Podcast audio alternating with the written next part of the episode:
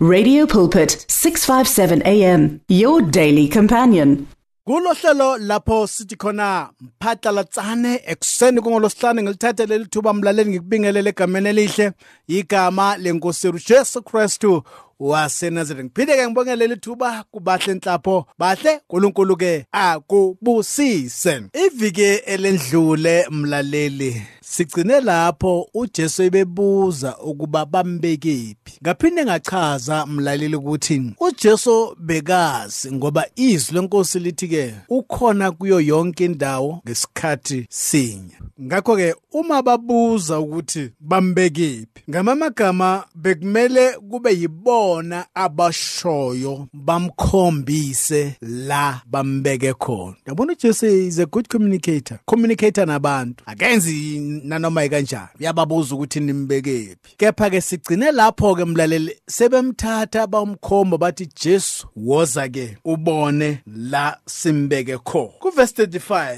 uJesu wakhala izinyembezi. Hey bakithi. Inkosi yamakhosi nayi iyakhala ethuneni. Siyakhumbula ukuthi ke uDavid elithi izwi lenkosi naye wadansa phambi kwabantu waze wadansa egcoke isudu kaAdam edansa. Mlaleli wazikhohlwa. Ngakho ke noJesu izwi lenkosi ithi ke uma sefike ethuneni wakhala. Akazange abe nendaba nabantu ukuthi bazothini bathi hey nayo inkosi yakhala. Hey nangu lo wavula abantu amehlo. Hey nangu lo phamisa ishosha hey nangu loya. So yakhala uyakhala nangu uyakhala lapha ethuneni. Kepha izwi lenkosi lalithi ke uJesu wakhala izinyembezi. Verse 36 Ngakho ke abaJuda bathi bheka ukumthanda kwakhe ukungabi. Baye bakhuluma ngoMaria. Le family kusho ukuthi beyithandana lemlaleni. uMaria uma ephuma egijima bacabanga ukuthi uyokhala ethuneni bathi bheka ukumthanda kwakhe ukungaka. uJesu naye uma sebamkhomba la uLazaro bembeke khona izwi lenkosi uthi wakhala izinyembezi. AmaJuda bathi bheka ukumthanda kwakhe ukungaka. Mlaleni ngisabuza even namanje ngithi izinto ozithandayo mlaleli zikwenzile yini ukuba ungasenza intando kaNkuluNkulu? Izinto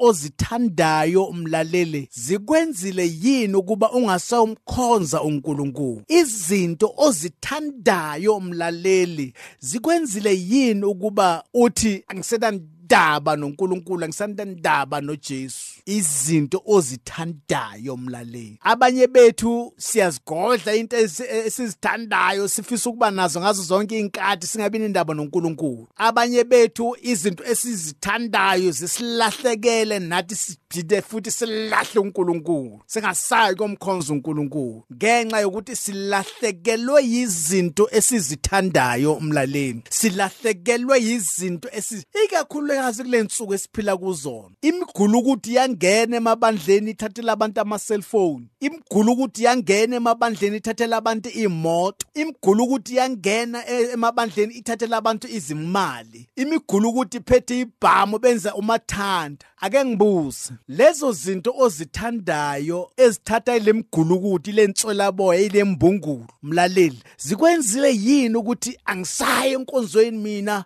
Angisamkhonza uNkulunkulu sengithathelwe imoto eh sengithathelwe nezimali sengithathelwe nama cellphone adurayo sengithathelwe nama ring adurayo sengithathelwe nama wash adurayo. Mlaleli izinto esizithandayo zingakwenza ukuba ungasamkhonzi ungasamdumisa uNkulunkulu. Kusizana ngilahlekelwe izinto engizithandayo? uNkulunkulu akangiloya wayengazivikeli wayekuphi uNkulunkulu? Wayengabashaya ngombani wezulu? Wayengenzi lokhu nalokhu angasivikele mlaleli la uJesu ubhekene noLazarus amthanda kakhulu. Izwi lenkosi lithi ke useshonile. Ha abaye bethu ngokuhlahlekelwa izihlobo hayi ngisayomkhonza uNkulunkulu. Bheka bathandazile abazalwane bathandaza bathandaza uvele washona. Umthandazi yaba izwakali abanye bethu kokugula hlabeke emzimbeni ugule biza abazalwane bethandaza amakholo athandaze. Uloku qhubeka ah uyabona ke manje ngiyagula and ngimkhonzile uNkulunkulu ngenhliziyo yabo yonke ngamkhonza nganikela ngenza konke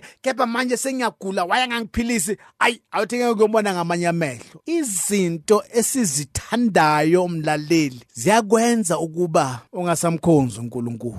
Ngithe kuwe uJesu uthi lokho ngikwenzayo ngikubone kuba ngiyakwenza. Waqhubeka wayesethi ke njengaloku baba angithumile nani ngiyanithuma? Ngaphinde ngathi ke uNkulunkulu umthumile uJesu uJesu wafunda kuNkulunkulu. Ngakho ke uJesu uyasithuma nathi nathi ke asifunde kuye umlaleli singafundi entweni ethize singafundi kithini? Kepha asifunde kuye ukuthi ke izimo abekabhekana nazo mlaleli ziye zamenza yini? Wahlubuka uNkulunkulu noma washiya uNkulunkulu. Ngamagama sinothi sithunyiwe sivele sehambe izimo uma zifika sithi hayi uNkulunkulu uzawuzwisisa.